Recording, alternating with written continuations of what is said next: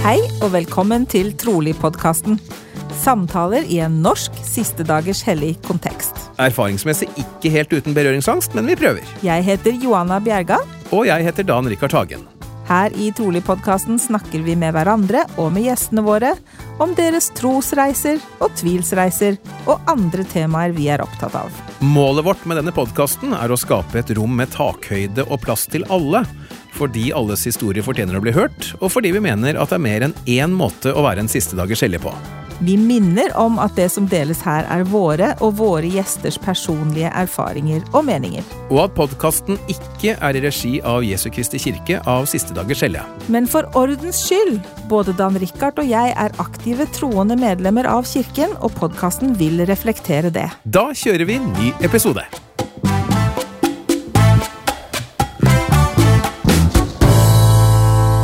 Da er vi endelig i gang igjen med ny sesong av Trolig. Hei, Johanna! Hallo, Dan. Litt spesielt plassert i dag. Du sitter i en bil. Ja, jeg sitter i en bil på hytta og ser utover eh, Nestrandsfjorden. Ja. Og eh, håper at lydkvaliteten er grei nok her inne. Vi hører deg i hvert fall, vi. Ja. Eh, ikke noe vondt sted å være det, tror jeg, på hytta. Nei. Det er eh, skikkelig sommerfølelse å høre bier som summer, og trærne veier i vinden, og har mest Ja, er lyst sånn til å være på sjøen i dag. Mm. Ja. ja, men det skal du få lov til, men ikke før om et, uh, i hvert fall en drøy time. Ok, da. Trolig-podkasten er altså endelig tilbake igjen, og i dag så har vi storfint eh, besøk. Eh, Det sier jeg fordi dette er en kar som jeg kjenner godt fra en ganske spesiell tid i mitt liv.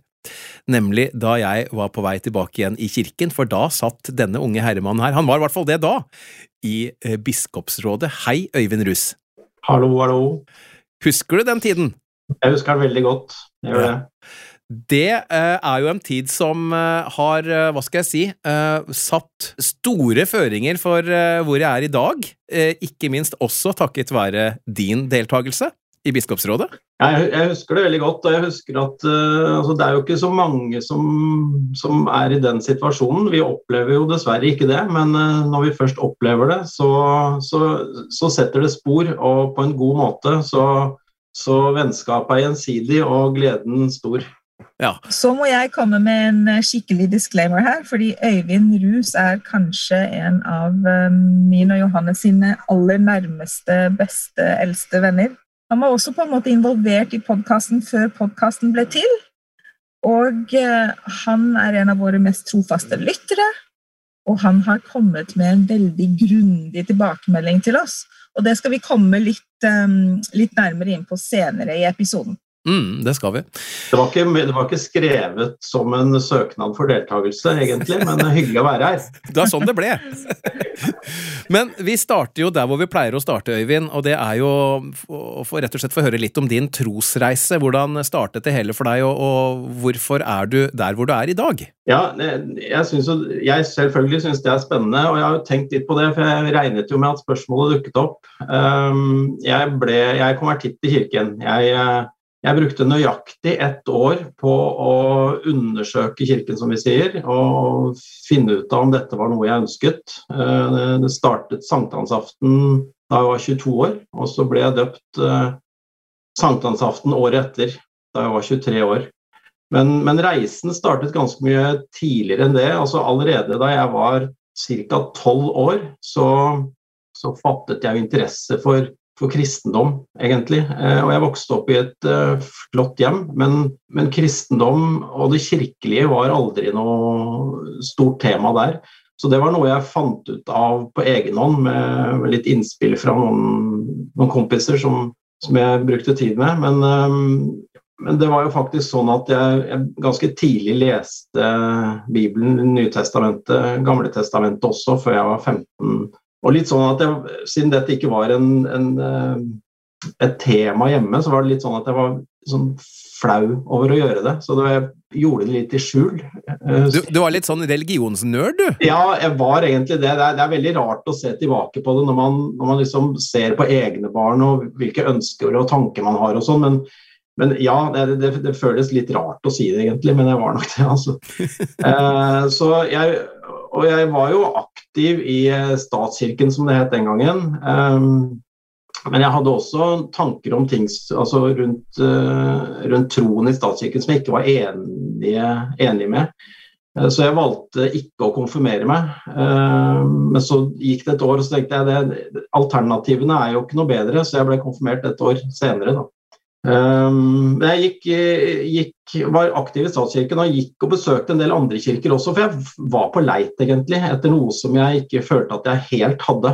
Uh, og han som tidligere har vært biskop i Oslo, Åge Muren, han uh, gikk i den samme statskirken-lokalene som jeg gjorde. Vi, jeg visste hvem Åge var, men, men, vi brukte ikke noe mye tid sammen. Men uh, jeg husker det var en gruppe som eh, jeg møtte sammen med en slags liten instituttsgruppe. og En fredag så var det en av de som sa har dere hørt at Åge har, har truffet noen mormonmisjonærer, han skal bli medlem av kirken, den kirken. Ja. Og Vi diskuterte det litt, husker jeg, og det var, eh, det var jo ingen av oss som visste noe om mormonkirken. Så jeg sa at jeg skal prøve å finne ut litt om dette. Så jeg dro hjem, og det var jo ikke dette er pre lenge siden, så det var ikke mulig å gå på Google og finne ut noe. Men Åge var en du kjente godt altså allerede på denne tiden? Nei, jeg kjente, ikke, jeg kjente han ikke godt, men vi gikk i den samme menigheten, okay. i Stovner menighet i Oslo. Eh, så, så, jeg eh, gikk, fant jo frem Store norske leksikon fra bokhylla og leste om engler og englebesøk og gullplater og ting som foregikk i USA. og og rapporterte jo dette tilbake, og min konklusjon var jo at dette var noe jeg i hvert fall aldri skulle involveres i. Um, så hvis misjonærene hadde kommet på min dør, så hadde jeg bestemt sagt nei. Ja. Så vil jo den rare historikken og Guds veier, som er uransakelige, han øh, gjorde det jo sånn at jeg traff en ung dame som jeg fattet veldig interesse for, og det var gjensidig. og hun fortalte jo at hun var medlem av Jesu Kristi kirke, og jeg tenkte ja, det var vel eh, Det var et skår i gleden. Det var et skår i gleden.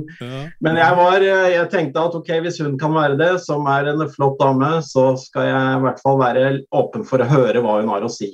Og da tok det altså ett år fra den dagen eh, til jeg ble døpt. Mm. Så Hva tror du var årsaken til at du var så søkende og så opptatt av religion i så ung alder? Er det noe som forklarer det for deg? Nei, ikke, nei, det tror jeg Nei, det er det ikke. Eh, men jeg var opptatt av eh, Når jeg først var opptatt av det, så var det noen spørsmål som gjorde at jeg syntes det var vanskelig. Eh, det var ting jeg diskuterte med presten i, i statskirken. Det var treenigheten. Mm -hmm. Jeg syns liksom statskirkens form for treenighet ikke hang sammen. Var, og jeg spurte han, og, han, og svaret hans var jeg var en av de beste som ble uteksaminert fra Menighetsfakultetet, og jeg kan ikke forklare deg det. Ja. Uh, og da tenker, du, da tenker, du, på at de er ett? Sant? Ja, altså at de, at de, er ett, men de er allikevel uh, forskjellige. Men de er samme person. Altså det, det, det, var så vanskelig å forklare det for meg at jeg, jeg, jeg, jeg kjøpte ikke den, egentlig. Nei, altså, ja, ja fordi at det de tror er, som du sier, at de er en og samme person, er det ikke så? Ja, altså en treenighet, en, en enhet da, som ikke er adskilt sånn som vi eh, har i vår lære. Nettopp. Og det, det andre var at jeg syntes det var fryktelig rart at det ikke var profeter i dag, sånn som det var eh, i gammeltestamentlig tid. Jeg husker altså Aftenpostens størrelse var jo den gangen dobbelt så stor som den er i dag. Og hver lørdag så var det to hele sider om invitasjoner til mange forskjellige kirker man kunne gå til. Og jeg tenkte hvis det finnes én gud, så må han kunne fortelle hva som er riktig. Dermed har vi vel aldri hatt mer behov for profeter enn vi har i dag. Så den fikk jeg jo løsningen på etter hvert. og det tenkte og det, du altså i, i, dine tenår? Ja, jeg gjorde det. Det er jo ganske spesielt, vil jeg si. Ja, ja. Og det, det siste, det var uh, læren om himmel og helvete. Den syns jeg var også brutalt og vanskelig å forstå. Og, og jeg hadde sett for meg at hvis man satte alle mennesker på rekke ved siden av hverandre, med den aller dårligste på den ene siden og den flotteste på den andre siden, så ville skillet, hvor man måtte sette skillet mellom går, dere går til himmelen, dere går til helvete, mm. skillet mellom de to som da står nærmest hverandre, vil være så liten at det ikke går an å sette mm. det skillet. Så der må mer, der må det være flere rom i vår, i vår Faders hus, tenkte jeg. Så, ja. Og dermed så, så, var du jo åpen for å finne noe annet, eller som du sier, du søkte jo etter noe, og så kommer altså plutselig en kvinne da som har hele løsningen. Ja, for når jeg da begynte å lese i mormors bok, og, og jeg leste mange bøker uh, som Kirken har gitt ut, og, og, de ga svarene på ikke bare disse tre spørsmålene i en, i en logisk forklaring som jeg uh, satte pris på, men også mange andre ting, uh, så var jeg godt på vei inn, ja. Mm. Og hvor gammel var du da? Jeg var 22 da jeg møtte henne, og 23 da jeg ble døpt. Og hvor lang tid eh, Eller var dette en som eh, du holdt på å si utvikla et forhold til, eller? Ja, altså vi var Vi, var, eh, vi hadde et forhold Vi var kjærester i noen måneder mens jeg undersøkte kirken, men ja. hun var nok utålmodig, og jeg sa at jeg kan ikke bli døpt fordi du vil det. Så, så dermed så skilte vi lag, og mm. Uh, og det tror jeg var veldig bra, å ikke ta den beslutningen på bakgrunn av kjærlighet, og, men, med hjertet, på en måte. Mm, støtter den. Og dette var da i Oslo? Det var i Oslo, ja. Den gang annet Ward, stemmer det? Nei, det var første den gang, faktisk. Uh, men jeg flyttet senere til annet Ward, da, som det het. Uh, ja. Det var der jeg var medlem av Biskopsrådet. Det var der vi traff hverandre. Ikke sant? Det var vel da jeg ble, da jeg ble kjent med Johannes og Johanna, egentlig. Rett etter det. Og denne episoden her, den blir jo da tatt opp eh, ikke så veldig mange dager etter eh, eh, sankthansaften, så det betyr jo at du har vel et slags jubileum du nå i disse dager? Ja, det er mer enn 30 år siden. Så Mer enn 30 år siden? Jeg har levd lengre som medlem av kirken enn ikke. Ja, ja, ikke sant? Det er jo en milepæl, det også. Ja. Eh, og hva skjedde videre deretter, da? Da ble du altså medlem i en alder av 23 år, som vi akkurat sa, og så har det jo skjedd mye etter det også? Ja. Øh, jeg øh, traff jo en annen kvinne da, etter hvert og, og, giftet meg, så jeg har jo vært gift. Jeg, har, jeg er ikke gift nå. Jeg, jeg, har tre flotte gutter. De må vel kanskje omtales som menn i en alder av å være to stykker som straks fyller 28, og en som om ikke lenge fyller 21. Og de husker jeg som to sånne smårollinger som drev og løp rundt en gang vi var på middag hos dere for mange, mange år siden. ja. Jeg tror faktisk at jeg var på sykehus og besøkte dere når dere fikk tvillingene. Ja, jeg har fått tvillinger. Er noe, det er ikke hverdagskost. Jeg husker godt følelsene fortsatt. for, forklar, Hvordan var den følelsen når du fikk vite Nei, at altså, det, er, det er spesielt to ting som jeg husker. Det ene er jo når man går på, drar på ultralyd for første gang, så er jo det spennende. og det men, men, man har en slags forventning om hva som kommer. Eh, og at, liksom, at ting bare er greit. Eh, og når jordmor da sier at oi, her ser vi to, da, da, da, stopper verden et øyeblikk. Men hun sa jo ikke bare det, hun sa også og når vi finner to, så må vi også lete etter nummer tre. da, da, husker jeg Merete og jeg så på hverandre og tenkte nå, nå, dette, dette, blir ikke så enkelt. Men eh, det var to, og to var flott. Og vi har gledet oss over det all tid etterpå. Men eh, vi måtte jo hjem og lese alt som vi hadde hoppet over, som hadde med flerbarnsfødsler å gjøre. Så heldigvis var Merete mye mer bevandret i eh, små barn enn det jeg var, fordi hun var tante til de mange små og hadde mye erfaring, så jeg lente meg mye på henne. Og som du sier, du er jo ikke gift med henne lenger. Nei, det er jeg ikke. Men eh, du har vært gift enda en gang òg, du? Ja, jeg uh, ga meg ikke med det. Så Nei. jeg har vært gift med Rikka. Det skremte deg ikke? Nei da, det, det, gjorde det ikke. Uh, Rikka giftet jeg meg med, hun er finsk. Og, og vi er ikke gift lenger heller, så ja. Så du er en voksen, singel mann i kirken? Ja, med fortsatt tro på ekteskapet. Så, ja, ikke sant? Ja. Og det bringer også inn på, selv om vi kunne jo snakket mye om en del ting imellom her også, for du har jo vært igjennom omtrent det meste som er av eh, kall, eller altså oppgaver i kirken? Ja, ja. Er det noe du vil si om det? Er det noen erfaringer du har som eh, du virkelig kan eh, se tilbake på og sette pris på, f.eks.? Jeg husker at det tok veldig kort tid før jeg hadde tre kall i kirken. Det...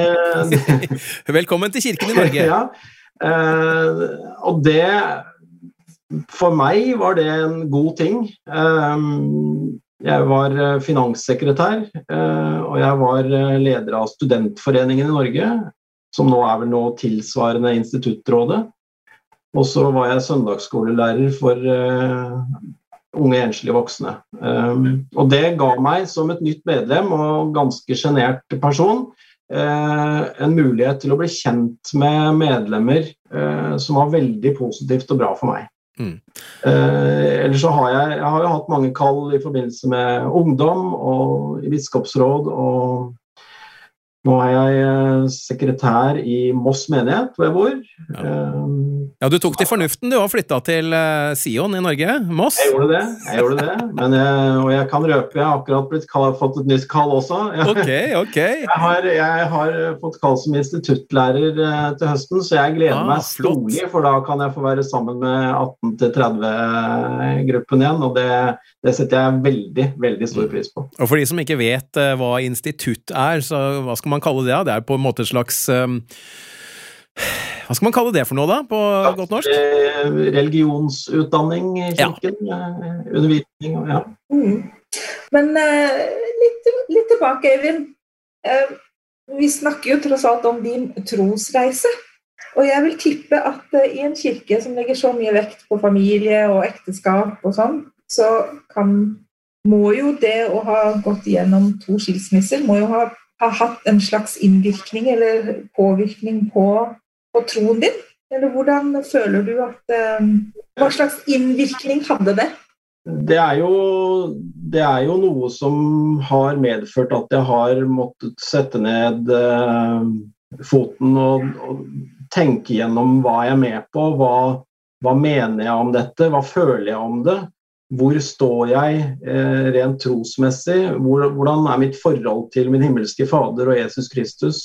Eh, vi, vi er jo, jeg er jo medlem av en kirke som, som tror på evighet og evig ekteskap og evig familieforhold. Og, og det å da være i kirken og delta i klasser og lytte til taler hvor, hvor det er liksom nøkkelen til uh, helliggjørelse, er uh, noe som gjør at jeg ikke alltid syns det er greit. Um, men som jeg sa, jeg, jeg, har fortsatt tro på ekteskapet. Jeg, jeg, er jo i en posisjon hvor jeg fortsatt ønsker å bli gift igjen, fordi at jeg tror veldig på at uh, at det ikke er godt å leve alene. Det erfarer jeg ofte. Det, savnet er kanskje størst i forhold til å, å, ha en å dele tanker og følelser med på nært hold eh, hyppig hjemme. Nærhet har vi jo fått erfare noen og enhver av oss det siste året, hvor, vi, hvor nærhet har vært eh, fraværende på mange måter. Men, så, så, da har vi jo fått føle litt på det, det å liksom både foreldre og besteforeldre og venner ikke har kunnet være sammen på samme måte og gi hverandre en klem. Det er liksom et stort savn. Men, men, det er klart også det å være enslig i kirken er, er ikke en lett ting. og Det er, det er en utfordrende eh, situasjon. Det, for de aller fleste er jo ikke dette et valg som man tar, men som man, en situasjon man er i. Eh, jeg har jo hørt eh, for mange år siden eh, en litt sånn oppgitt uttalelse om eh, Men det er jo så mange som ikke er gift, kan de ikke bare gifte seg? Og det må de gjerne komme til meg og spørre om, og da vil jeg resolutt svare så hvis du var i den situasjonen, hvem ville du giftet deg med? Mm. men jeg må si jeg, jeg har funnet Altså det er ikke så lett fordi at generelt i verden i dag så er det jo altså, Det finnes jo nok av app apper og i forbindelse med altså, type Tinder og andre datingapper. Så, så behovet er jo stort, ikke bare i kirken, men andre steder også. Og det er tydeligvis vanskelig å finne partnere. Men, men hvis man ser på det som medlem av kirken, så vil man kanskje finne eh, en, en, partner som er medlem av kirken, og som deler samme tro. og mm kanskje til og med bor i samme land og har de samme interessene, og så skal det være liksom, kjemien skal stemme, så, så, ting gjør at det ikke er så veldig lett. da. Jeg bare lurer på en ting, Øyvind. Eh, det vi har vært innom nå når du, når du snakker om det å være singel i kirken, er jo uh, på en måte kirkens lære, som jo uh, er ganske tydelig på, på, dette med ekteskap i forhold til opphøyelse og sånn, for å gå litt sånn doktrinært inn i materien. Men er det noen mm. måte du ser for deg at uh, man kunne gjort det holdt på å si, enklere for single i kirken, og ikke måtte føle så mye på det, da, som du beskriver? Ja, det tror jeg det er. Uh, for jeg tror den, den, vanskeligste situasjonen Altså, jeg er heldig fordi at jeg har vært gift og jeg har barn. Uh, og så, så, jeg kan liksom sjekke av den biten. De som aldri har vært gift og ikke har barn, men har et sterkt ønske, ønske om det, de føler nok veldig mye mer på det. Og jeg har så stor respekt for særlig kvinner, som, hvor man har uh, ofte en tikkende klokke som går uh, mot en ende når det gjelder det å få barn, kanskje. Mm. Som da ser søndag etter søndag familier som reiser hjem til sine gryter og koser seg, eh, mens de selv søndag etter søndag reiser hjem til sin enslige situasjon. Eh, det er noe som jeg tror flere kan hjelpe til med å bidra til at blir litt lettere å håndtere, ved å bl.a. invitere de hjem og la de få være med og ta del i den situasjonen, og kanskje høre på hva de har å si, sånn at de føler det inkluderende fellesskapet, istedenfor å måtte gå hjem og være alene. Må jeg, da må jeg også legge til at det, jeg er jo invitert hjem til familier fra tid til annen, og jeg opplever det som Vi er jo forskjellige, men jeg opplever det som veldig positivt og bra. Og det er inkluderende, og det er noe som, som jeg eh, setter stor pris på. Ganske lavterskelting òg, da. Det er jo ikke så komplisert, faktisk. Nei, å, invitere, å invitere en enslig person hjem til middag eh, av og til. Nei, ellers så kan dere jo selvfølgelig legge inn et hjørne her i podkasten for enslige om at uh, legge liksom sjekke, sjekke hjørnet. Ja. Trolig, trolig, blir uh, nå uh, mutual. Ja. Mm, sånn, uh, trolig Tinder. Sjekkeapp. Ja.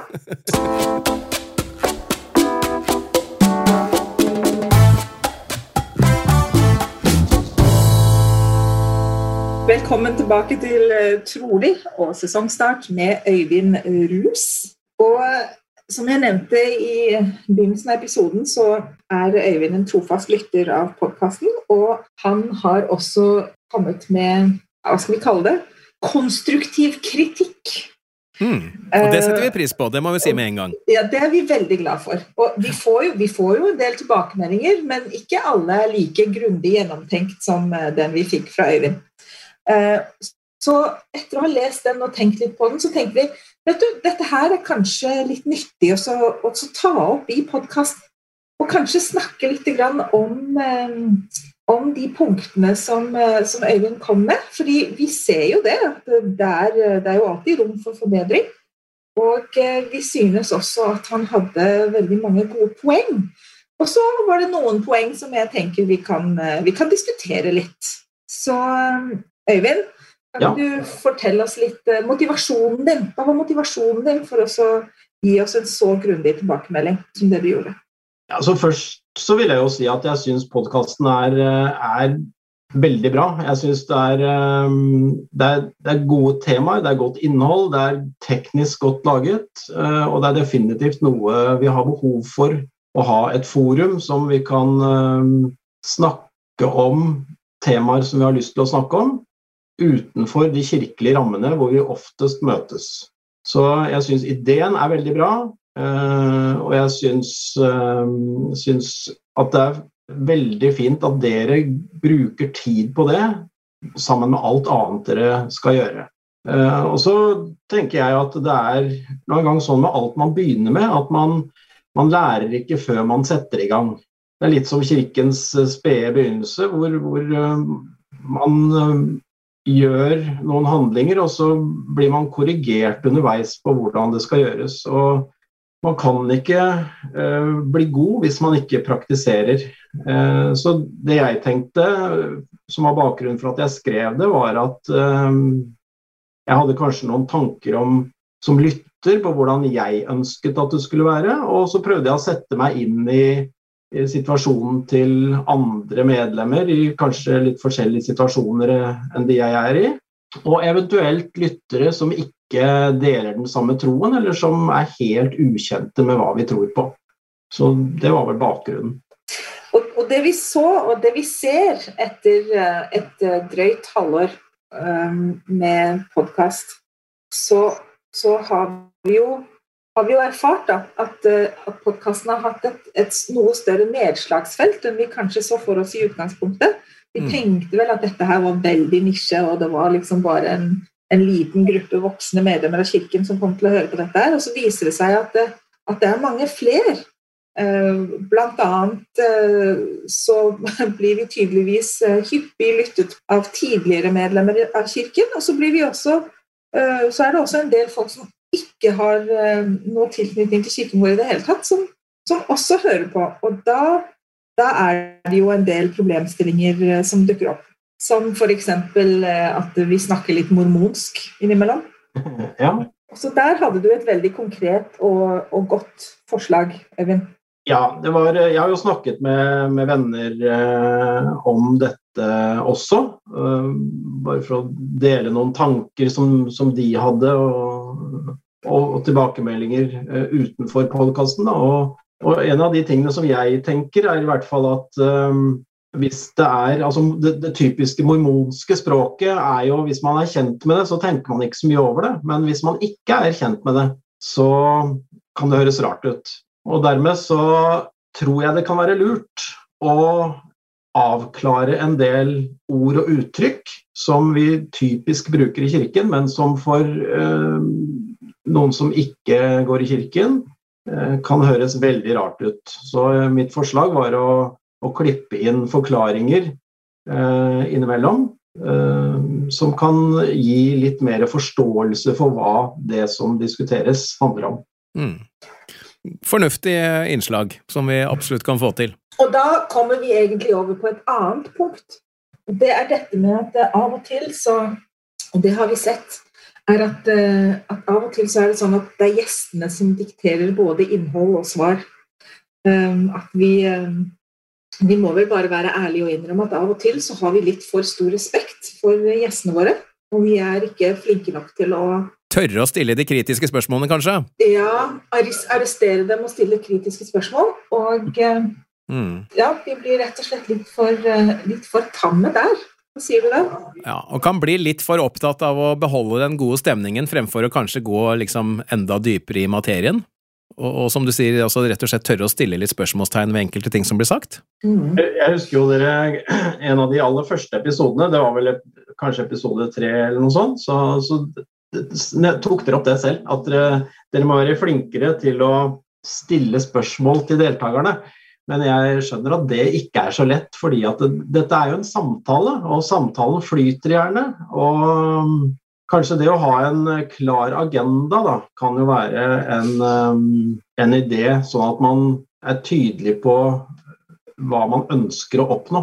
Og det, det, dere sa i den første episoden, var jo at det skulle være en eh, forklaring eller en, eh, en, beskrivelse av medlemmene i Norges trosreise. Og det er kjempebra. Men det er jo ikke alle dere har, eh, vil ha som gjester som kanskje har den trosreisen, eller som har andre tanker rundt dette. Så ja, det er noe med det, ikke sant? for det kan jo være en del av deres trosreise da, at man, disse vanskelige temaene kommer som som vi jo har vært innom eh, på tidligere episoder. Mm. Eh, en ting som jeg eh, tenkte litt på på tilbakemeldingen din, var eh, dette med at noen kan ha følt seg usikre på hva som er kirkens lære eller ikke, på grunn av enkelte episoder. Mm. Og det tenker jeg at det er en ganske Ikke en alvorlig påstand fra din side, men en, et alvorlig tema som vi jo absolutt må ta i betraktning. Mm. Uh, hvordan løser vi det, Johanna? Nei, hvordan løser vi det? Altså, det, det er jo noe med at vi kanskje må være enda tydeligere på at det vi sier i podkasten, er vår personlige oppfatninger og meninger og erfaringer. Og at vi, vi vil ikke egentlig være normative eller eller uh, komme med en slags fasit. Og det sa vi jo også i begynnelsen, at det skal jo ikke være noe vitnesbyrdsmøte. dette Det skal jo ikke være sånn at, um, at, det bare skal være det som uh, Hvordan sier jeg det? Altså, det må være rom for at vi kan være tydelige på hva vi mener og tror. Men vi bør kanskje være flinkere til å differensiere, da. Til å, til, å, til å si ok, dette mener jeg Kirkens lære er sånn og slik, men dette er min personlige mening om det. Eh, vil, vil det hjelpe? Det, det, tror jeg. Og det er, eh, som dere sier i introen, så er det jo mer enn én måte å være en siste dagers hellig på. Og, og, det er vel om å gjøre at dette ikke er et ekkokammer hvor alle alltid er enige og man bare går i én retning eh, i samme takt. Og det er jo forskjell på hvordan man lever som en siste dagers hellige, og hva som er evangeliets retningslinjer. Og det er kanskje der man skal være klar. Hva, hva sier evangeliet her, og hva er eh, forklaringen rundt uh, forskjellige ord og uttrykk som tas opp? da. Mm. Det er En tanke som jeg umiddelbart får, som jeg syns hadde vært uh, veldig fint, var om vi kunne hatt en, hva skal vi kalle det, en slags en leder, eller en som kan stå for den biten, som kan eh, være med på å klargjøre enkelte ganger hvis det er vanskelige temaer, som er litt tydelig på at sånn og sånn er kirkens lære. Så hvis eh, vi kan finne en slik en som er villig til å stille, så er jo det supert eh, fra min side. Mm. I tilbakemeldingen som vi fikk fra Rolf Isaksen, takk for den, så nevnte han at um, i forretningslivet så er det jo ofte sånn at startups eller nye nye prosjekter har ofte et slags hva han kalte det, rådgivende styre. Mm. Som, kan, eh, som, kan, hjelpe til med den biten. Og her er det jo Dan og jeg som har vært vårt eh, rådgivende styre. Vi, eh, selvfølgelig, selvfølgelig, er vi enige med oss selv. Vi, vi har jo rett. Eller omvendt. Selvfølgelig har vi rett, for vi er jo enige med oss selv. Men men eh, det hadde kanskje vært en idé at vi hadde en slags eh, rådgivende styre. Noen som kunne på en måte ikke, pensle oss inn riktig retning. Altså Litt slik som både Rolf har gjort, og som du nå gjør, Øyvind. Og som Johannes er ganske flink på. må si det da, At Johannes var veldig enig med omtrent alt det Øyvind, Øyvind hadde skrevet. No surprise there. Så hva sier du da? Skal vi slippe flere til? Skal vi la oss styre litt? Jeg er eh, ikke fremmed for den tanken, at vi kan eh, ha noen sparringspartnere. Uh, Syns jeg det har vært kjempefint, og det er jo også derfor vi inviterer eller blant annet derfor vi har invitert Øyvind til denne episoden også, med tanke på de gode tilbakemeldingene han har gitt. Men det er én ting jeg tenkte å spørre deg om, Øyvind. For nå har jo du hørt i uh, hvert fall bortimot alle episodene, hvis jeg forstår det riktig? Ja, jeg har hørt alle, ja. Du har hørt alle sammen. Uh, hvis du skal trekke frem hva du syns fungerer, da, uh, si noen ord om det, og hva som eventuelt ikke fungerer så godt. nå har vi jo gått gjennom noen punkter du skrev, men hvis du skal oppsummere det litt? Jeg syns jo hele settingen i podkasten, altså hvordan dere har lagt opp løpet med med noen faste spørsmål eh, som vi som lyttere da alltid vet kommer og kan glede oss til. Og et eh, tema eh, og et innhold. Jeg syns liksom hele settingen rundt det synes jeg fungerer veldig bra. Jeg setter jo stor pris på de trosreisene jeg har hørt, som er, som er trosfeller som er egentlig på vei i samme retning. Det, det, setter jeg pris på. Det finner jeg oppbyggende og styrkende. Og det, det syns jeg er eh, godt å høre. Når vi, når vi, kommer inn på tematikk som er litt mer kontroversiell, så da blir det litt mer spennende å høre. Men der er man kanskje ikke alltid enig i det som sies. Og da er jo utfordringen deres hvordan dere håndterer det. Eh, men, men, der tror jeg nettopp altså, Man kan jo ikke forvente at alle som inviteres, har likt syn på alt. Men der tror jeg nettopp det er viktig at man, eh, eller at da, poengterer hva som er evangeliets lære, og hva som er de synspunktene som diskuteres i den episoden. Det er jo en, en del ting er jo tolkbart, og man kan forholde seg til, eh, til noe på, på, forskjellige måter. Andre ting i kirken er liksom veldig fastsatt. Mm. Eksempelvis ordlyden i, i ordinanser som, som dåp og nadvern og, og, og, ting som foregår i tempelet, er veldig liksom, stadfestet, bestemt. Det endrer man ikke på. Uh, mens andre ting er litt mer sånn tolkbart. Hvordan, hvordan håndterer vi det? Så jeg hørte veldig et veldig interessant foredrag for en tid tilbake uh, som handlet om forskjell på doktrine og prinsipper og anvendelse, applications. Uh, og at problemene oppstår når vi begynner å blande inn applications. Altså når vi begynner å behandle anvendelse av prinsipper som om det var lære eller prinsipper. At det er uh, sunt for oss å ha litt klart for oss hva som faktisk er lære, hva som er prinsipper, og hva som er anvendelse. Fordi anvendelse kan og vil endres. Altså praksis kan og vil ofte, og har ofte endret seg. Men av og til så blander vi, blander vi kortene, uh, og, og, da kan det fort oppstå, oppstå problemer. Da. Er det ikke det vi ofte kommer inn på i, episodene våre, vi, at vi kaller det for kultur? Ja, helt klart. Det skal jeg skulle til å si det at det, Dere har én rød tråd definitivt som går igjen i hver episode, og det er denne kulturen som vi er eh, underlagt, som, vi, som, som ikke nødvendigvis er eh, alltid i tråd med evangeliet og læresetningene, men hvor det er ting vi har eh, gått oss inn i, mm. som vi tror er sånn som det skal være. Og det er jo en Og noen ganger så kan jo det kanskje være vanskelig å se forskjellen òg. Ja, og det en, eh, kan være en farlig vei å gå inn på.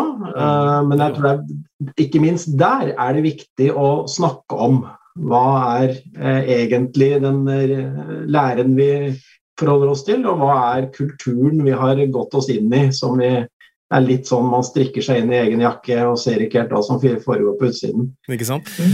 Hvis, hvis, jeg kan spørre deg det, Øyvind, av de episodene, og du har jo som sagt hørt alle sammen, hvilke gjorde mest inntrykk på deg, og hvorfor? Um, det er nesten som å spørre hvilket favorittbarn har du, men uh, altså jeg, jeg syns jo episoden med Kristoffer og Maria gjorde sterkt inntrykk fordi at jeg jeg kjenner jo Kristoffer og Maria, jeg er hjemmelærer hos dem, som det het den gangen, da, da de bodde i Oslo.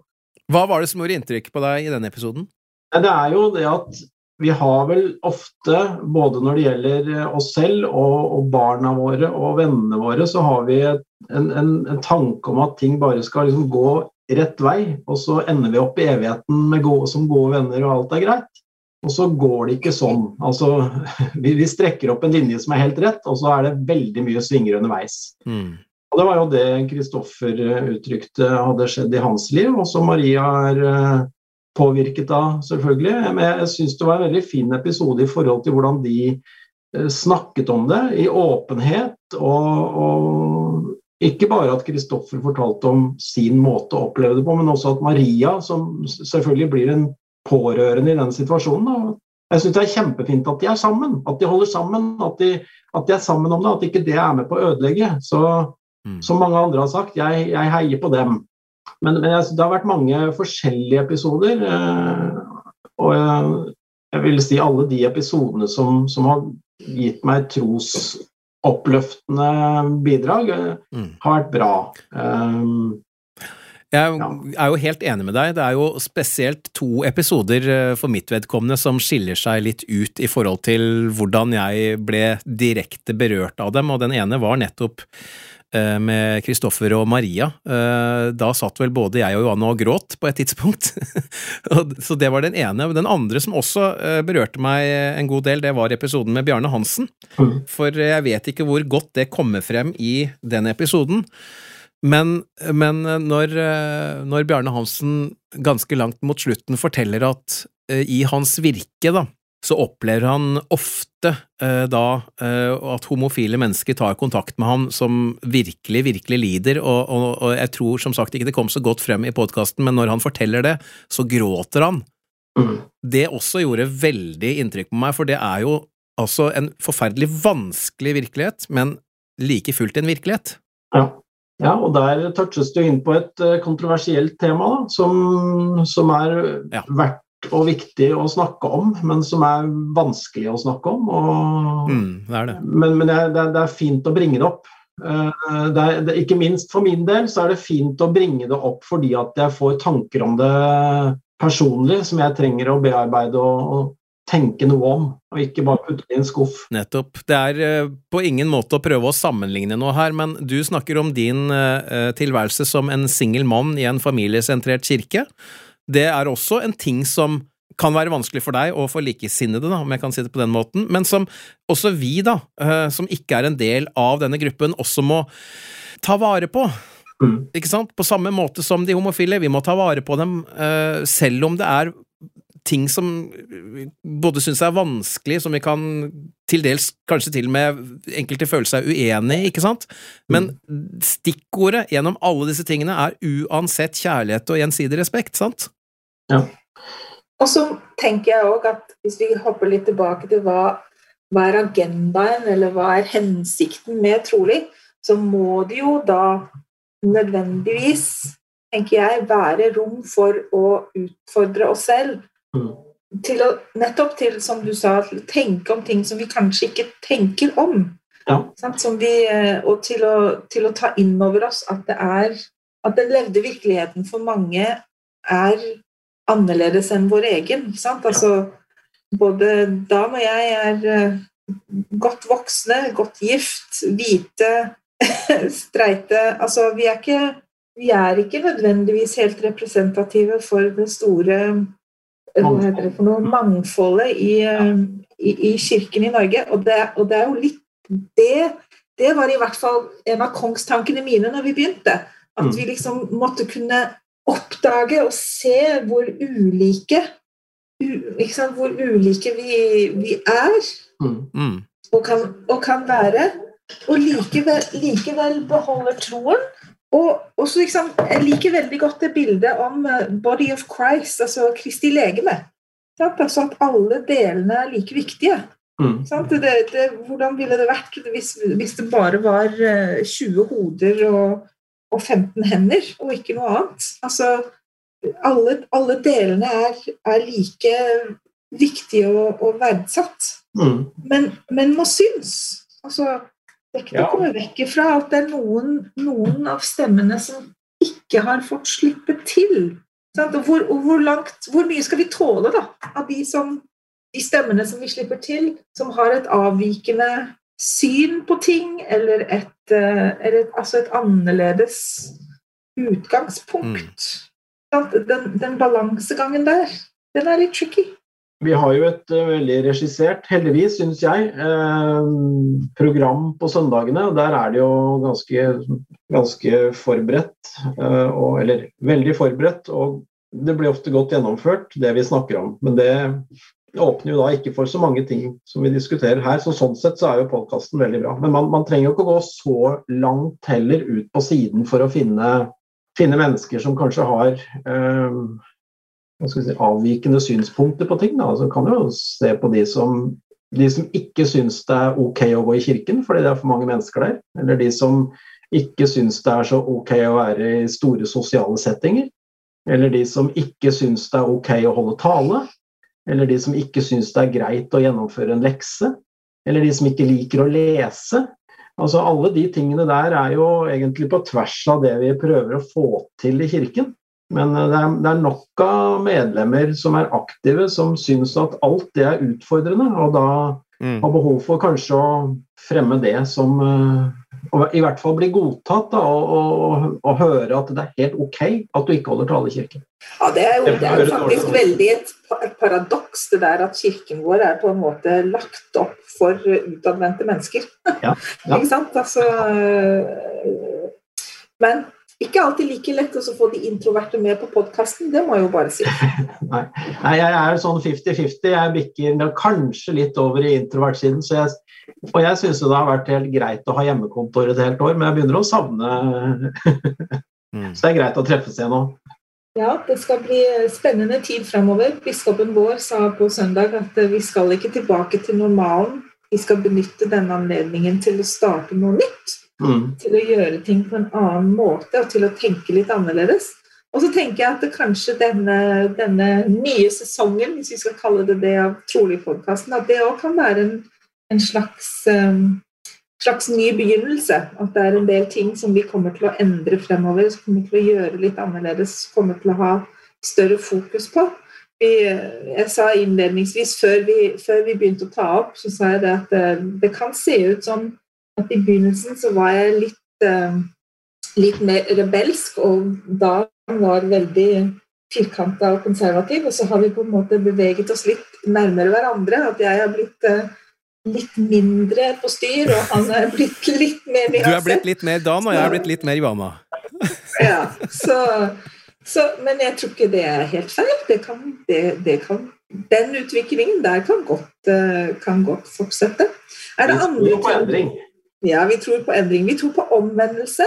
Eh, tror på omvendelse ikke, alltid, Ikke alltid fra dårlige ting til gode ting, men kanskje fra gode ting til bedre ting. Mm. Er, det, er det andre elementer i den tilbakemeldingen din som du tenker vi ikke har vært innom? Jeg tenkte litt på dette her. Det var jo litt sånn aha-opplevelse for oss. Du nevner at, eh, og det var da vi på en måte ble klar over at, um, at podkasten har kanskje større nedslagsfelt enn vi var klar over. Men òg at, at, det kan virke som om ledere eller altså i kirken rundt omkring snakker om det litt. Ja, øh, ja det tror jeg. Uh, det tror jeg. Jeg tror at um, enkelte medlemmer som kanskje syns at noen av temaene har vært vanskelig å oppleve og forholde seg til, har eh, henvendt seg til sin biskop, og at det har vært diskutert der. selvfølgelig. Det er jo, det er jo plutselig et nytt forum som, eh, som man ikke har hatt behov for å forholde seg til tidligere. Jeg tror på mange måter at det kan være styrkende. Mest det. Og så tror jeg at noen ganger at enkelte kan stille spørsmål om men, men det er vel ikke dette Kirken mener? Og så vil man jo nok da som leder lure på er dette noe vi skal snakke mer om, eller hvordan skal vi forholde oss til dette, og hva skal vi si til medlemmene? Så jeg tror det å ta det opp er jo som alltid en god løsning, snakke om ting. Og som vi har sagt mange ganger i podkasten, it's mentionable, it's manageable. altså alt som, blir, alt som forblir usagt, har i seg en uh, potensiell skade, tenker jeg. Mm. mm. Og um, som regel når man Troll i solen sprekker. Altså ja. ting som i utgangspunktet kan virke veldig vanskelige hvis man bare kan få det opp og fram på bordet, så er det kanskje ikke så vanskelig og vondt likevel. Nei. Jeg håper jo at eh, podkasten også framover vil kunne være at det vil være rom for det. Da. At vi på en måte bringer fram i lyset ting som, som, folk kanskje syns har vært vanskelig, men som egentlig ikke er det når, man, når det kommer til stykket. Mm. Så er vel dette noe som uh, hver enkelt har behov for å kanskje tenke gjennom selv også. Og vi, jeg ble jo, da, som, da jeg undersøkte kirken, og ble veldig fascinert av og glad for at det er en kirke som forteller at jo, det finnes profeter og apostler i dag og vi tror på åpenbaring. Og hvis vi tror på åpenbaring, så betyr jo det at vi, vi tror at, uh, at, vi veiledes uh, med ny åpenbaring som kan komme fra tid til annen. Uh, men det betyr jo også at vi må forholde oss til åpenbaringene på en måte som vi må ta stilling til. Og det er fint når vi er enige, men det er ikke så fint når vi ikke setter pris på det. Men hvis vi tror Gud finnes og han åpenbarer ting som han mener er riktig, så må vi jo prøve å prøve å være med på den reisen. Da. Ellers så blir det jo vi som prøver å bestemme over noe vi ikke helt har oversikt over. og det, det er kanskje som å sette en femåring til å være statsminister. Det blir is til alle og godteri til middag, og alle skal være snille. og Det er fint, men det er ikke sikkert at det i det lange løpet er det som er riktig og lurt. da. Mm. Sånn som jeg tenker, er at det som er mitt ønske, er ikke at vi skal eh, prøve å forandre kirkens lære, eller uh, Eh, prøve å sette noe i tvil, men derimot, eh, som vi har vært inne på, at, at, man skal kunne få høre fra de som fortsatt har eh, holdt fast i jernstangen, men som likevel på en eller annen måte mm. har en annen opplevelse, da. En ting som vi jo har merket, er at det er ganske stor forskjell når, på de episodene hvor det er vi selv som har tatt initiativ til å ha en gjest, og der det er gjestene som på en måte har tatt kontakt og har hatt en agenda. Og det å finne en slags balansegang der vi vil jo være et åpent forum, og vi ønsker jo å slippe til andre stemmer, men også finne den balansen. Det vil nok fremdeles være en, en, eh, viss, eh, en viss, utfordring med. Mm. Vi lever jo også i en tid hvor, eh, hvor, dette med kommentarer henger løst, spesielt når det skjer på internett. Da. Så det, og det gjelder jo ting som publiseres i, i kirkelig sammenheng også. og er, Der er det liksom fritt frem å bare gønne på med kommentarer og kritikk uten tanke på om man sårer eller om man sier noe som er lurt eller eh, seriøst og gjennomtenkt. Så, så, vi lever jo i en tid hvor, hvor åpenhet er egentlig mer åpent enn det det kanskje har godt av å være hvis det, ikke, hvis det ikke settes ned i en agenda og diskuteres litt mer gjennomtenkt, da, enn at man bare slenger ut av seg med, med kommentarer eh, og er fornøyd med det. Det, det, det blir mye sånn mørkemenn eh, rundt omkring som ikke tjener til noe godt formål, tror jeg. En annen ting er jo at eh, innholdet i episodene våre blir også tolket eller oppfattet veldig ulikt fra kanskje ståstedet til lytteren også. Mm. For jeg må ærlig talt innrømme at en ting som overraska meg veldig, og det skriver jeg jo også i et av eh, kommentarfeltene da, på Facebook-siden vår, det var jo den episoden med Louis Herrey, som jeg syntes var en utrolig oppbyggende og god episode, all in all, men det som ble disk diskutert, var den bitte lille delen hvor han sier noe om Hans Matsson og hans opplevelse Ja. av den øh, Eller det som skjedde der sånn. Ja. Det ble jo det store samtaleemnet. Og da er det én ting til også som jeg, som jeg syns er litt rart. Og da skriver jeg i det kommentarfeltet så skriver jeg akkurat dette her, at jeg syns det er rart, og jeg skriver at det som jeg oppfatter som liksom hovedbudskapet i episoden her, er at vi tror på en levende Gud, på Jesus Kristus, på at Mormons bok kan utrette mirakler i våre liv. Og er det ikke det dette dreier seg om, da er det plutselig ingen som kommenterer det. Nei. Og det, det har jeg aldri skjønt, for det har jeg opplevd tidligere også, hvor jeg på en måte Og jeg, det har ikke noe med meg å gjøre, men at akkurat som at det budskapet der, det er ikke så viktig. Jeg skjønner ikke det. Nei, det er nok mer interessant å diskutere og høre om uh, The Dark Side. Da. For det er jo Ja, men det er jo uvesentligheter. Hans Matsson sa det, Hans Matsson mente det. Ja, han var en helt vanlig fyr, Hans Matsson. Tilfeldigvis så hadde han en rolle, ja, om han var en 70 eller hva han var. So what? Mm.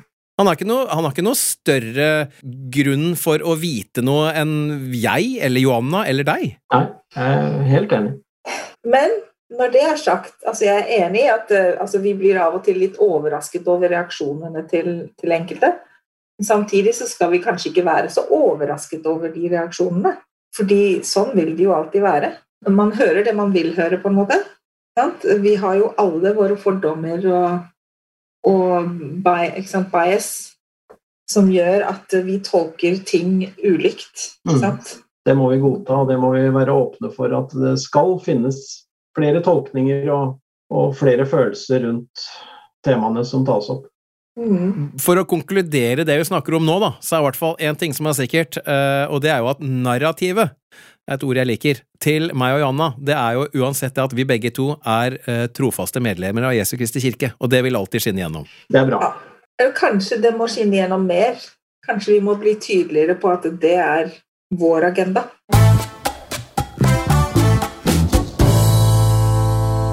Dette er trolig podkasten med Johanna Dan, og i dag med besøk av Øyvind Rus. Og vi har kommet til de faste postene. Og eh, det første spørsmålet vi vil stille deg da, Øyvind, er rett og slett, og kort og greit, hvordan hører du ham? Med stor H, altså. Eh, det er, da er det lett eller fort å svare i dusjen. Ja vel. Jeg har faktisk opplevd at jeg, når jeg står i dusjen, da er jeg helt fri fra input annet enn vann. Det er et sted hvor jeg ganske ofte opplever å ha tanker om løsninger og, og liksom kan spinne rundt på ting som opptar meg. Det har jo noe med at jeg er fokusert, at det gir meg tid til egentlig en form for meditasjon. For det er, det, det er ikke noen ytre påvirkninger. Så litt flåsete sagt i dusjen, men, øh, men øh, jeg, jeg mottar veiledning og åpenbaring når jeg kan prosessere øh, de tingene jeg har behov for å tenke nøyere gjennom. Tenker, tenker på løsninger. Når jeg er fokusert, og når jeg, har, når jeg selv gir meg tid til meditasjon. Jeg, jeg er ikke en som opplever å motta de drømmer eller noen form for syner eller altså store ting. Ja, meditasjon er vel egentlig en, øh, en fellesnevner for hvordan jeg hører ham. Du må legge inn en innsats, høres det ut som. Ja, det har noe med det å gjøre. Definitivt. Det er Og gi, det- og gi det rom. Ja. Og, og også tid. Hvis det var noe du kunne tenke deg å forandre i kirken, hva ville det vært? Ja, for nå snakker vi ikke om evangeliet, nå snakker vi om kirken. Og Nå da er vi, snakker vi om kirken. det- kirken. Ja, da er vi inne på det kulturelle. Og jeg er opptatt av eh, kulturelle avvik eh, som tas for å være doktrinært. Det, det vil jeg gjerne forandre på. En liten rebell, du, Øyvind. Ja da, det, det skal ikke slutte å være. Har du noen Men, eh, eksempler? Jeg har et eksempel som jeg hørte om da jeg ble medlem av kirken. Som egentlig har vært litt sånn i bakhodet mange ganger, hvor jeg har tenkt er det virkelig sånn? Den gangen var det sånn at man, altså i kirken så, så, har mange som mål å gifte seg i tempelet, hvor vi kan bli viet for tid og all evighet. Eh, og Den gangen så måtte man gifte seg i eh, borgerlig først, og så kunne man reise til Stockholm, som var det nærmeste tempelet, eh, eller eventuelt Sveits eller London, og, og bli viet og da eh, hørte jeg, og nå, nå, er vi inne på liksom ryktebørsen, men eh, om det har eh, rot i virkelighet, tror jeg. Da skulle, var det noen som hadde fått høre at de kunne ikke ha sex og samkvem etter at de var borgerlig viet, før de hadde vært og blitt viet i tempelet. For det var først da de var ordentlig gift. Aha. Og det er jo stikk i strid. altså Da snakker vi virkelig en kulturell Kanskje det var én person som hadde dette som uh, sin idé, som da fòret omgivelsene med, med, en tanke som ikke stemte overens med, mm. med doktrinen. Da. Og det er farlig. Men uh, jeg er uh, jeg syns jo dette med å være inviterende og inkluderende, det er en viktig bit. Og jeg det som kanskje opptar meg mest i forhold til det med, med, med, kulturelle avvik, er jo hvordan vi er flinke til å være i vår egen boble, og ikke se hvordan vi virkelig oppfattes utenfra.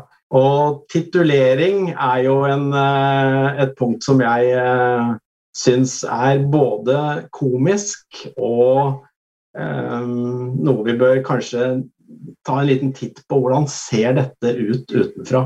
Altså, Hva tenker du på da, bror Rus? Ja, ikke sant? Altså, jeg får ståpels hvis noen jeg kjenner godt og som eh, henvender seg til meg i privat sammenheng, omtaler meg som bror Rus. Altså, vær så snill. Og dette er ikke noe frelsende i det, men eh, for all del, med all respekt, noen skal tituleres eh, med president, f.eks. kirkens president og, og statspresident. Det er fint. Men altså, i Norge så har vi, vi, vi har en stortingspresident, vi har presidenten i Norges idrettsforbund, og vi kjenner godt til presidenten i USA. Utover det er det ikke så mange flere presidenter. Og når det da på et møte i kirken liksom ramses opp et utall av presidenter, så syns jeg det er Da tenderer det til det mer komiske. Det kan vi godt endre. Ja, jeg, jeg tror det, det, er litt sånn mer mer inkluderende og kanskje være litt, litt mer nedpå. Det var en, eh, en misjonær for noen år siden som fortalte meg at uh, han har vært ute og banket på noen dører sammen med misjonspresidenten. Og når, når, døren ble åpnet, så ble misjonspresidenten omtalt som ja, her har jeg med president sånn og sånn, hvorav da responsen var president for hva? Ja. Så ja. ja. Jeg tror det med å, se hverandre litt utenfra er, eh, er, er en god ting, hvis vi kan gjøre ja. Så det, det, er en fin endring, hvis vi kan gjøre det. Og så til jeg, eh, Kan jeg ta én ting til, forresten? Ja, selvfølgelig. Eh, jo, Mens du er i gang. Altså, kultur, ord og uttrykk. Vi var jo litt inne på det, må ikke glemme det. Altså Ord og uttrykk er eh, dette med liksom, mormonske uttrykk. Eh, jeg, mens jeg tenkte på dette, så kom jeg til For noen år siden så tenkte jeg at egentlig så burde alle nye eh, medlemmer av kirken få en slags litt sånn folder. Litt sånn intro. Språkbok. Så da begynte jeg å skrive på eh, litt sånn mormonisme for dummies. Så vil dere ha et lite utdrag? Ja takk. Ja, takk. Ja innledningen så står det 'Velkommen som medlem av Jesu Kristi kirke av Sinsdager Skjelje'. På tross av at dette er en verdensomspennende kirke med mange millioner medlemmer, med de samme møtene og leksene rundt om i verden på samme søndag, og med de samme doktriner og regler, vil du nok oppleve at det er særegenheter som du ikke møter utenfor kirken. Dette gjelder både lokale utsagn og sjargong, samt et kirkespråk man trenger litt tid på å forstå. Her er en kort innføring, så du kommer raskere inn i det. Og så har vi litt om forkortelser, så da tenkte jeg her bør det stå en, en liste over forkortelser. Vi har EV, enslige voksne, UEV for unge enslige voksne, DAP for det aronske prestedømmet. Så har vi DMP, PUK, MMK, UN, UK, SPS, FSY. Listen er egentlig veldig lang. Så tar vi med ordet som gren og korum. Bare ord selv. Rare ord selv uten å være forkortet. Og så har vi den siste delen. Det er mormonsjargongen. Og der står det 'født i kirken'. Nei, ingen blir født i kirken. Man blir født inn i en familie som er medlem av kirken. Vokst opp i kirken? Nei, ikke helt. Men vokst opp i en familie som er aktiv i kirken. Innsatt? Nei. Det korrekte uttrykket er beskikket, som man blir i forbindelse med at man mottar et kall fra en leder i kirken. Uaktiv kan også betegnes som inaktiv. Det betyr ikke at man er lat, men at man av forskjellige årsaker ikke er så ofte å se i kirken. Umedlem. Den har jeg ikke hørt før, faktisk. Umedlem. Ikke kategorisert, ikke kategorisert fra A, B, C osv. Så, videre, så U-medlem kommer veldig langt ned på listen. Nei, det betyr ganske enkelt at man ikke er medlem av kirken. Man kan også være medlem av Obos, lokal sportsklubb eller sågar et politisk parti, men i dette tilfellet altså ikke medlem av Jesu Kristi kirke. Fantastisk. Det nevnes også at det er helt greit å ha gardiner, TV, feire jul og bursdag, gå i klær man kjøper i butikken og spise både kjøtt, fisk, grønnsaker, frukt og bær. Lykke til som medlem av Jesu Kristi kirke. Denne her må vi få kanonisert. Jeg var, jeg var, veldig fornøyd da jeg hadde laget den, men det, ble, det kom aldri lenger, da. Fantastisk. Ja, ja, helt nydelig. Helt nydelig. Veldig bra. Ja. Ok. Um, og helt, helt til slutt hva er det aller, aller beste med ditt medlemskap i Kirken og evangeliet? Det er at det er sant. Det er at, uh, at de ordene som er litt krøllete og vanskelig å forstå og uh, forholde seg til, som nåde og forsoning, gir så mye håp og bidrar til endring av meg som person til noe bedre. Og at det som står helt i slutten av Mormons bok i Moroni kapittel 10, den invitasjonen om å komme til Kristus og bli fullkommengjort i ham, det synes jeg er det flotteste. At, at vi som ufullkomne eh, mennesker som kommer til kort og ikke får det til og må prøve på nytt og på nytt, fortsatt inviteres til å komme til Kristus med, av en som aldri gir opp. Det syns jeg er det aller flotteste. Og det flotteste med Kirken, hvis vi ser bort fra liksom evangeliet og doktrinen, det, det, er at det er så mange forskjellige mennesker som er ulike meg, men som allikevel kan få meg til å føle godt og vise kjærlighet, og at vi sammen kan gå i en retning som gjør at vi føler bedre.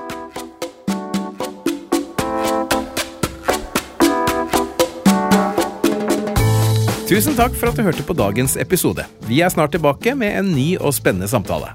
Og for å gjøre ventetiden litt kortere, så kommer som vanlig vårt nyhetsbrev mer enn trolig i innboksen din om kort tid. Ja, Det er hvis du abonnerer på det, da. Og det gjør du enkelt inne på vår Facebook-side. Ja, og i tillegg så finner du oss både på Instagram og Twitter som oppdateres med jevne og ujevne mellomrom. Har du forslag til enten temaer eller gjester du syns vi burde snakke med? Send oss en e-post til troligpodkast med k at gmail.com. Og vi blir veldig glad for skriftlige tilbakemeldinger i alle våre kanaler. Og ikke glem at dette vil også hjelpe andre å finne trolig. Takk for nå. Vi høres!